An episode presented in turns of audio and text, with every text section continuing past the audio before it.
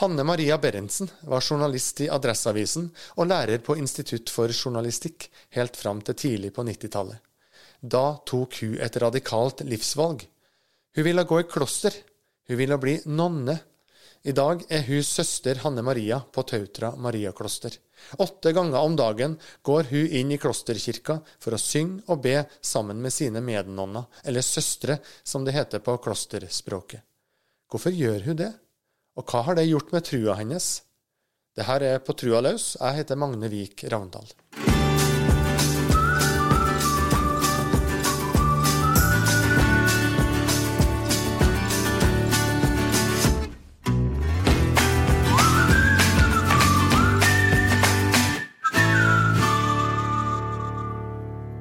God dag, søster Anne Maria. God dag. Tusen takk for at jeg får komme hit til Tautra Mariakloster. Ja, du er veldig velkommen. Mm, det er vi alltid her.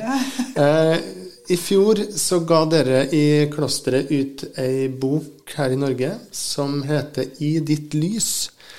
Som handler om livet her på klosteret, om hverdag, tradisjon og ritualer gjennom et år. Og I den boka så gir du oss også et lite innblikk i din vei hit. Eh, hvordan du som fire-femåring møtte en eh, bauta utafor ei eh, middelalderkirke i Kristiansand. Hvordan du som tenåring ble bergtatt av møtet med Nidarosdomen. Og hvordan du opplevde et kall til å bli nonne under et uh, besøk i et kloster i Massachusetts i USA, og så til slutt kom hit da til klostergrunnleggelsen på Tautra i 1999. Hvordan har den reisen vært? Oi, det var et stort spørsmål. Ja. For det en lang reise? Nå er jeg blitt gammel. Um, det jeg vil si, er at uh, den starta jo lenge før det du begynte med. Mm -hmm. Og at den har vært veldig spennende og rik og full av folk og Gud og masse, masse rart. Mm. Men jeg har lyst til å si først noe om um, dette med før jeg var fire-fem år. Mm -hmm. Det har slått meg mye de senere årene hva dåpen betyr. Og jeg har sett uh, i møte med mange uh, som uh, har vokst opp i en sammenheng som er blitt veldig sekularisert, og også en hjemmesammenheng hvor Gud ikke nevnes. Mm. Men de har vært døpt. Mm. Og den dåpen slår igjennom. Sånn at de kommer, de finner troen, de finner Jesus, og oppdager at ja, men de var jo døpt. Mm. Og finner ut når de ble døpt, og husker på dåpsdagen sin. Mm. Og, og, finner en dypere mening i livet. Og det er veldig spennende. Uten at det er magi, så vet vi at det betyr noe. Mm. Jeg kan fortelle en bitte liten ting for meg selv.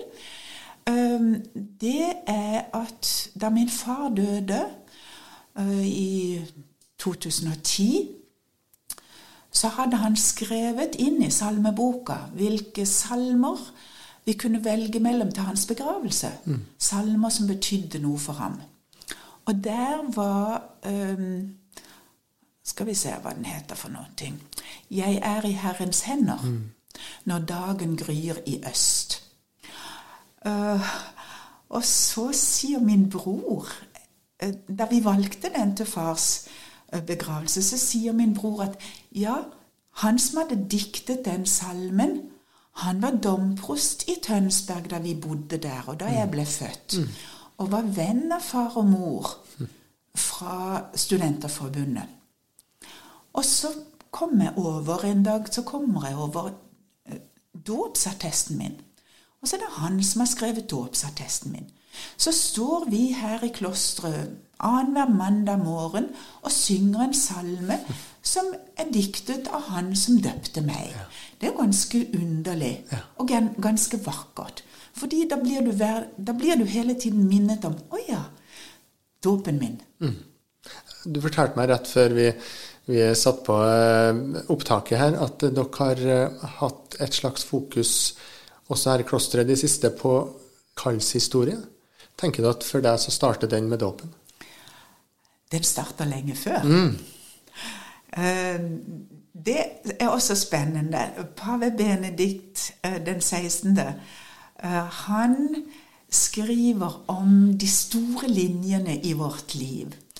Og, og om noen aspekter ved dette å være Kristi legeme som jeg syns er spennende. For han sier at det begynner lenge før oss. Altså vårt liv begynner lenge før oss mm. i Kristus. Og det strekker seg langt utover vårt liv. Mm. Altså at perspektivet for vårt liv blir trukket ut i begge retninger historisk. Mm. Og da begynte jeg å tenke over hva min far sa da jeg gikk i kloster. Så sier han 'Hvor har du det fra?' Og, og, liksom sånn Skal min datter reise til Amerika og gå i kloster i Amerika? Mm. Det syntes han var rart. Men så svarte han selv. For han sier, 'Ja, min, min morfar' han hadde egentlig tenkt å reise til Amerika og bli prest. Men det ble ikke noe av, fordi mora hans og, og, og venninna hennes på nabogården de hadde andre planer. Så han gifta seg med nabodattera isteden. Og ble i Norge. Og så tenker jeg ja vel, ja. Der har jeg en oldefar som de fortalte om at han så alltid evighetens perspektiv. Det inspirerer jo. Og det begynner lenge før meg. Mm. For å spørre litt annerledes, da. Når ble du bevisst ditt eget kall? Det er også sånn som kommer gradvis. Det første jeg husker, det var da jeg som barn leste bladet Kom og se, mm. som var et misjonsblad for barn. Uh, og som jeg leste. Og jeg tror det må ha vært tidlig, kanskje sånn åtte år eller noe sånt. Da jeg visste veldig helt sikkert at jeg skulle ikke bli misjonær. Mm. Men det betyr at spørsmålet om kall var en del av språket mm. allerede den gangen. Og det var en del av samfunnets språk der hvor jeg vokste opp. På Sørlandet, må det sies. Mm. men, men, men, altså, jeg vokste opp i et samfunn som var grunnleggende kristent. Mm. Da jeg var russ, så var halvparten av russen valgte å være kredoruss. Å Og dra på misjonsturné uh, istedenfor å drikke seg fulle. Mm. Mm. Og nå du, er du da eh, nonne søster her på Tautra Maria-kloster, og jeg tror jeg har regna ut at du har vært i kloster i 30 år? Ja. I år? Ja, ja. det stemmer. Ja. Jeg trådte inn 25. mars 1993. Ja. Mm. Snart er det akkurat eh, 30 år siden. Hvordan, hvordan, har disse 30 årene på en måte forma trua di? Um, jeg har lyst til å si to ting. Mm. Fordi jeg ser på utviklingen av troen uh, i lys av den menneskelige utvikling. Så hvordan vår tro er når vi er fire-fem, når vi er åtte, når vi er 13, når vi er 20, når vi er 30, når vi er 40 og 50 og 70 Det handler veldig mye også om den menneskelige utviklingen. Mm. Og det var spennende for meg. Jeg var i kloster seks år i Amerika før jeg kom til Tautra, og vi grunnla her. Og da syns jeg at jeg hadde vært igjennom veldig mye spennende i min egen utvikling. Og så langsomt, over noen år, så begynte jeg å treffe mine venner igjen, mine nærmeste venner. Og så blir klar over at vi hadde utviklet oss veldig parallelt. Mm. Uh, sånn at du behøver ikke klosteret for å ha den utviklingen. Så det er det ene med det. Og jeg snakket en gang med en abbed som hadde gått i kloster da han var 17 år. Og så spurte han litt om det, fordi um, det har liksom vært en periode hvor vi har lagt vekt på at du skulle ha gjort noen erfaringer i livet, være litt voksen og vite hva du gjør, og sånn og sånn, før du går i kloster. Og så spurte jeg hvordan ser du på det. Du var 17. Så sier han at han syns ikke det spiller noen stor rolle, fordi hans erfaring var at det du må igjennom, må du igjennom, enten du er innenfor eller utenfor klosteret. Og det syns jeg er et viktig poeng. Det andre, det er at det er klart at du blir formet av de valg du gjør. Mm. Det kan være et vitnesbyrd som gjør noe med noen andre, men det gjør noe med oss. Og det er klart at da gjør det også noe med oss som tar det valget som, som et svar på et kall. Mm. For det kallet som det er avgjørende. At Gud sier 'deg vil jeg bruke her'. Mm. Men når du da får lov til å bruke så mye krefter av dagen din på å være i bønn, så former det det. Mm. Og vi bruker jo over fem timer hver dag i kirken.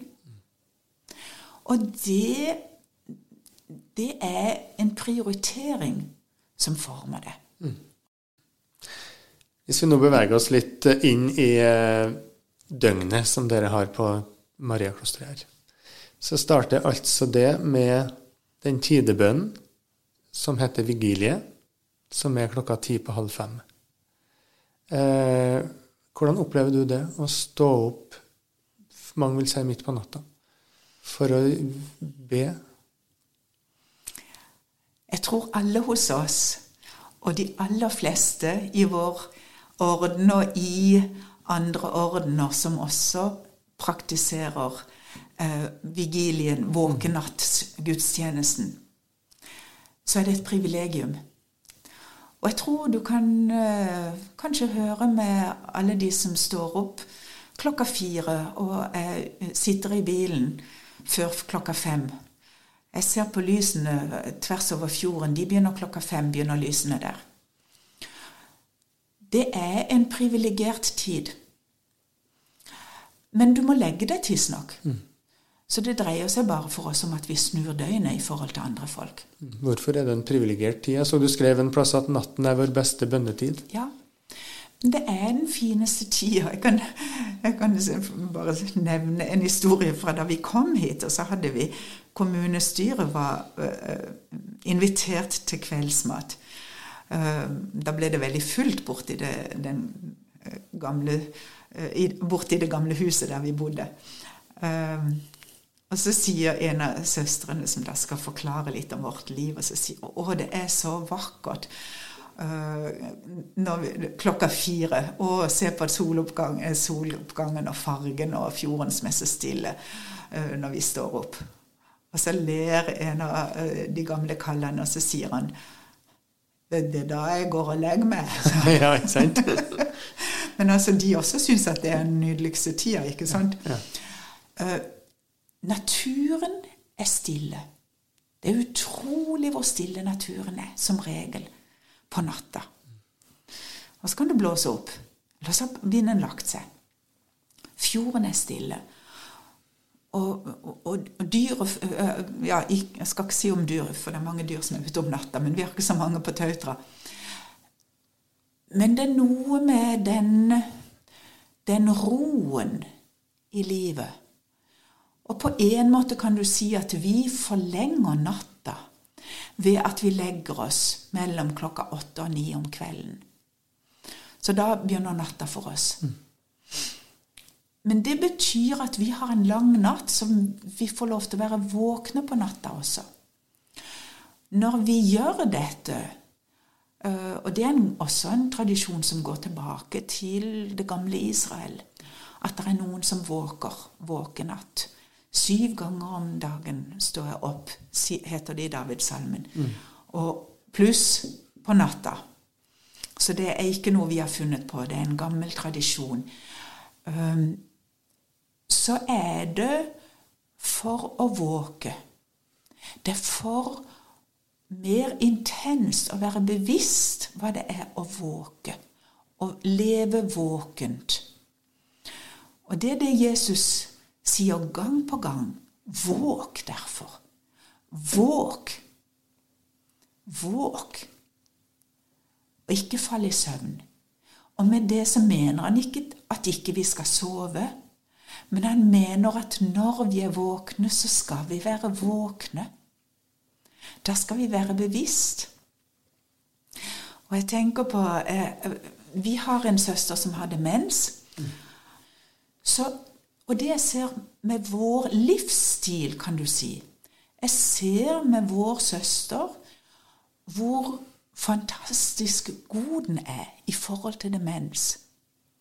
Fordi hun har altså et langt liv bak seg med den samme rutinen. Med den samme rytmen, samme dagsrytmen, som hun kan hvile i. Som ikke tar krefter.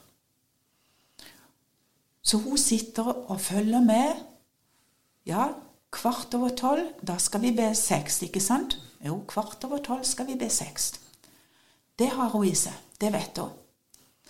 Nå kan du gå til kirka. Nå skal vi be. Ja, det vet hun. Ja, jeg tror jeg kan det, sier hun. For 0420 så, så starter jo da den første tidebønnen, som er vigilie. Hver dag ber dere den. Hver dag ber dere det som heter laudes, klokka kvart over sju. Hver dag ber dere ters klokka halv ni. Hver dag eh, ber dere sekst klokka kvart over tolv. Og hver dag ber dere noen klokka halv tre. Hver dag synger dere vesper, aftensang, klokka halv seks. Og hver dag avslutter dere kvelden med kveldsbønn, kompletorium. Eh, den rytmen som du snakker om, da. Eh, hva har den hatt å bety for ditt for de tru? Jeg vil si at rytmen åpner oss og fokuserer. Eh, Men det er noe annet også, og det er fellesskapet. Altså dette at vi som kristne hører til et fellesskap. Vi er del av den samme kropp. Eh, Som Paulus sier, det som gjelder ene, det ene lem på kroppen, det gjelder alle. Når jeg får en flis i fingeren, så gjør det vondt. Det, det gjør vondt her. Ikke sant? Det er hele meg som gjør vondt da. Og sånn er det også når du ber. Når vi går inn i kirken og ber, så er vi et fellesskap. Sånn at syv ganger, åtte ganger om dagen, så går jeg inn helt konkret og står med en søster på hver side, mindre enn en meter fra meg. Og vi er et fellesskap som hører hverandre, som føler hverandre, som kjenner hverandre, og som merker når en er trøtt, når en faller ut, når en har vondt, når en må sitte, en kan ikke stå lenger. Alt dette er en del av oss. Men det er en utrolig sterk støtte i livet, støtte til hvem jeg er som individ, at jeg står midt i en gruppe. Og at vi hele tiden blir bevisst det er ikke jeg som er sentrum. Det er Gud som er sentrum. Det er ikke jeg. Og det er den søsteren min på, ved siden av meg som er sentrum. Og den søsteren min der som er sentrum. Og de gjestene som står der, som er sentrum. Det er ikke jeg. Og det er en enorm befrielse. Fordi det blir en hjelp til å slåss mot den største fienden vi har egoismen. Så, så jeg, jeg bare opplever at vi er utrolig privilegert som får lov til å leve på denne måten. Det er jo lett å tenke at når, eh, når dere er her på klosteret og ber deres bønner og har så stort fokus på det, så er dere på en måte veldig eh, i det hele tida. Og da kan det jo være befriende Eh, jeg leste den boka som dere hadde eh, skrevet, vi snakka om tidligere, 'I ditt lys', som handler om livet her på Trauta Mariakloster. Så var det en av dine medsøstre, søster Maria Rafael, som eh, Jeg har lyst til å lese det hun skrev. Når man ber i stillhet i kirken eller i sin egen celle, kan man lett henfalle til fantasier om at man er imponerende hellig. Når man inntar plassen i koret og tidebønnen begynner, står man imidlertid ansikt til ansikt med sannheten. Der lar jeg meg irritere av naboens smatting og harking, og surner overfor søster så og så, som synger for høyt og falskt. Den andre siden av koret synger strofene altfor raskt, det distraherer meg. Det som skulle være et sted for fredelig bønn, blir uopphørlig avbrutt av høylytte protester fra egenviljen. Er hverdagen som nonne også sånn? Selvfølgelig. Den er det, vet du, og den er verre enn det. Så det som jeg sa før, eh, at og som Jesus sier til fariseerne, at det er ikke det som dere tar inn i munnen, som gjør dere urene. Det er det som kommer ut av munnen, som gjør dere urene. Det er det som er i hjertet, det er ondskapen i hjertet, som er vår fiende. Det er alle disse tankene om at andre ikke er som de skulle være. Men der er, og det øh, Det får vi god hjelp til på mange måter der er jo midler til å bruke Hva skal du si eh, Der er våpen i den kampen vi har. Der fins jo våpen mot djevelen. Det fins våpen å bruke mot de onde tankene våre. Hva slags våpen er det? Det er jo f.eks. å si Jesus, nå må du hjelpe meg. Mm. I Faderens og Sønnens og Den hellige ånds navn er det jeg står her. Ikke for å tenke på hvordan jeg vil ha verden.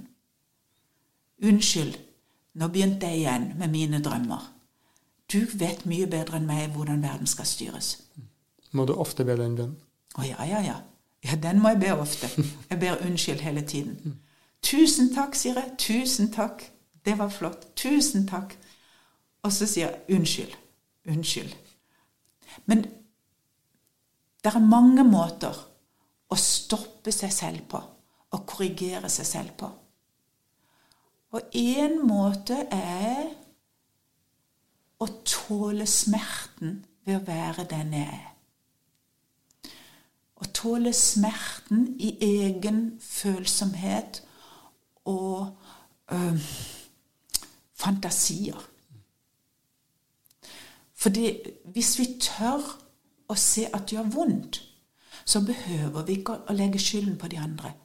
Da kan vi eie den smerten og si 'Jesus, dette gjør veldig vondt. Kan ikke du bære dette med meg?' Og så vet vi at det gjør han. Han, han bærer meg. Mye mer enn jeg skjønner. Er det med udelt glede at du på en måte står opp til stadig nye dager, som i utgangspunktet, i hvert fall utafra, kan virke som ganske lik dagen som var? Likheten er en udelt glede. Å stå opp er ikke alltid lett. Jeg sover i kaldt rom, og det er alltid en kamp å slippe dyna. Pluss at når du blir eldre, så trenger du kanskje litt mer hvile. Og dagen kan bli veldig full og tett og krevende. Og det er ikke alltid at jeg har tid til å hvile så mye som jeg trenger. Og da kan det være hardt å stå opp. Men det er inntil jeg kommer meg opp. Ja, hva er det som motiverer deg da? Å ja, men det er jo fordi eh, Hvordan skal jeg si det? Det er jo Gud som kaller. Altså, det er livet som krever. Det er livet selv som krever meg. Og da, og da mener jeg Kristus som livet. Det er Gud som drar meg ut av sengen og får meg til å gjøre korsets tegn og takke for at jeg har fått lov til å våkne på nytt til en ny oppstandelsens morgen. For det er jo Kristi oppstandelse vi opplever hver eneste morgen når vi ikke har dødd om natta. Det er jo en stor glede. Sånn at det er bare den der terskelen. Og ut av senga. Men så fort du er ute av senga, så, så, er det jo gleden som drar deg. Mm. Kalt av Gud til en ny dag. Hvem er Gud for deg? Jeg så du skrev en plass at da du gikk inn i kloster, så var det en av dine nærmeste som heter Herman, som sa at du omtalte Gud som en onkel fra Nordland. Ja. tror det han mente, var at jeg snakket om Gud med en familiaritet. Mm. Altså at jeg snakker på en måte som han opplevde som at Gud var en del av mitt daglige vokabular.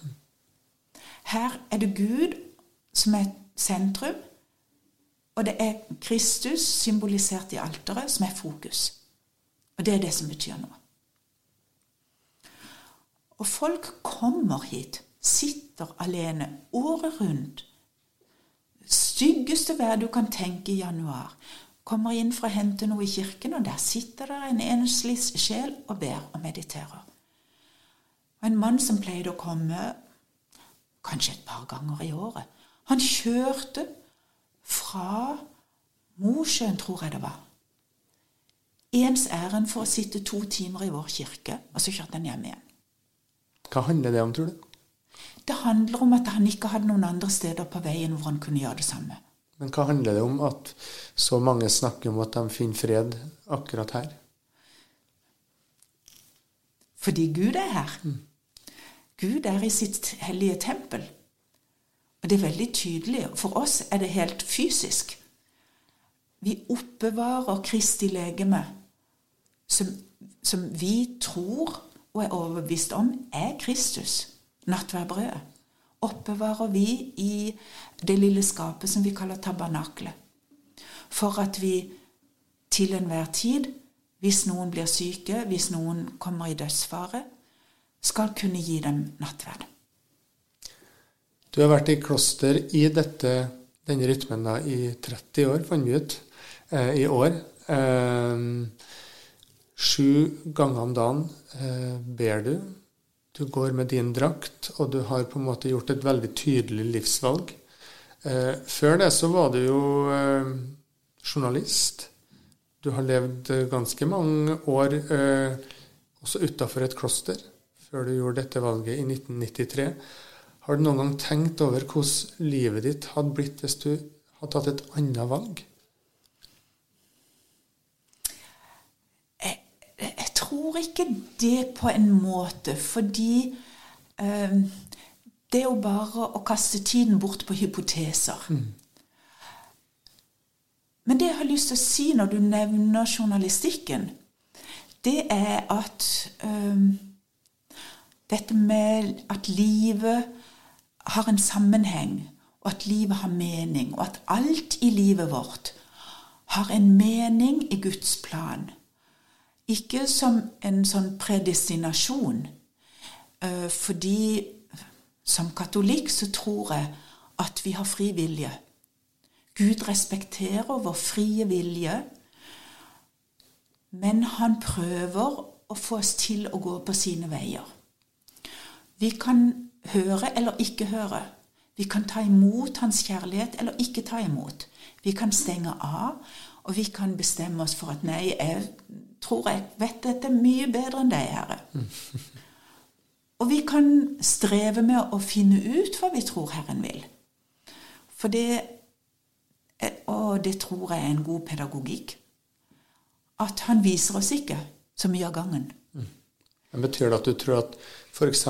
journalistikken, det at du var journalist i Adresseavisa, det at du underviste andre journalister på Institutt for journalistikk, at det var på en måte en slags eh, vei mot ja. kallet som navnet? Ja, mm. absolutt. Mm. Og det jeg vil si veldig konkret eh, Da jeg jobbet som journalist og på Institutt for journalistikk, så jobbet vi veldig mye med bevisstgjøring om kildekritikk. Mm. Altså hvem er det som sier dette, og hvorfor sier du dette? Hvem sier du dette til? At du ikke bare tar alt folk sier til deg som god fisk, men at du er kritisk til kildene dine.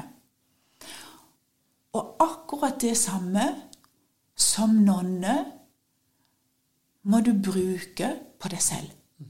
Hvor kommer den tanken fra? Hvor kommer den tanken fra? Hvor, hva vil du med den planen der? Hvorfor tenker du sånn? Det er veldig nyttig å ha fått noen gode redskaper Så, så det å bruke kildekritikk på egne tanker er veldig nyttig. Det kan du si til alle journalister. Hva tenker du, er, Hvis vi skal prøve å summere opp litt den samtalen her, hva tenker du er det viktigste vi som ikke har valgt et sånt liv, kan lære av dere som har gjort det? Det er bare tro på Guds kjærlighet og tro at Gud vil noe med akkurat ditt liv. Og at ditt liv er det han vil deg nå. Eh, og det å gå, vandre i Herrens veier dag for dag, eh, det tror jeg er det som er vårt kall med å følge etter Jesus.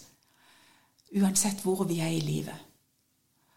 Og det viktigste for å kunne elske, så må vi kunne ta imot kjærligheten. Så det er det å våge å åpne seg for å ta imot Jesu kjærlighet, og hva det betyr. Å vokse i den. Det er det som gir livet mening. Enten man er i et kloster eller Ja. hvilken som helst Ja. annen plass. Ja, som jeg sa, du, du må gjennom det menneskelige utvikling, samme hvor du er. Og, og det jeg, jeg tror det som gir livet mening, det er å tro at du er elsket. At du har fått et liv gitt av Gud som Gud bryr seg om, og som har et mål som er Gud. Kjære søster Hanne Maria, tusen takk for praten. Ingen årsak.